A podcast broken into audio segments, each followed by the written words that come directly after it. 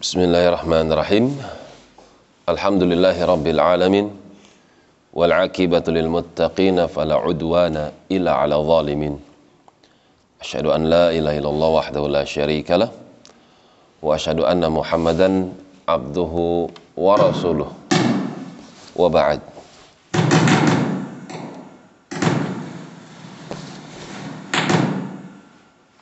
masih di dalam surah As-Sajdah.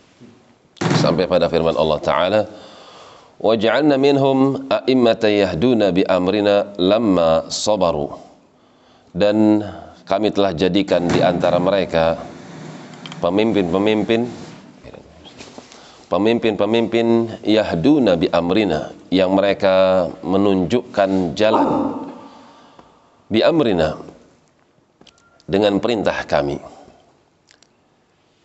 Kenapa mereka Bani Israel menjadi pemimpin-pemimpin agama? Di mana mereka bisa mengatur umat. Yahduna bi amrina. Ya tentu setelah mendapatkan petunjuk dari Allah Subhanahu wa taala. Kenapa Allah memberikan kepemimpinan kepada mereka sehingga mereka bisa membimbing umat dengan hidayah yang Allah tunjukkan mereka padanya? Yang pertama lamma sabaru manakala mereka memiliki jiwa-jiwa yang sabar. Sabar di dalam menjalankan perintah Allah, sabar di dalam meninggalkan bentuk-bentuk pelanggaran, dan sabar di dalam menjalankan ketentuan.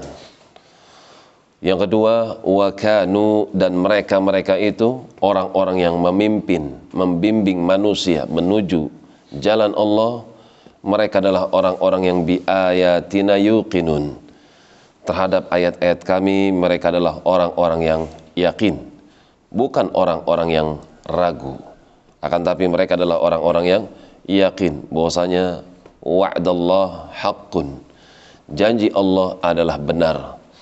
Dan keyakinan ini bukan hanya keyakinan sampai atau pada ujung awalnya saja akan tapi sampai kepada puncaknya seperti mereka para nabi bahkan dari kalangan ulul azmi minar rusul.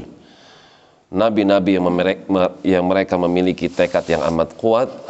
Mereka adalah orang-orang yang sabar dan mereka adalah orang-orang yang yakin.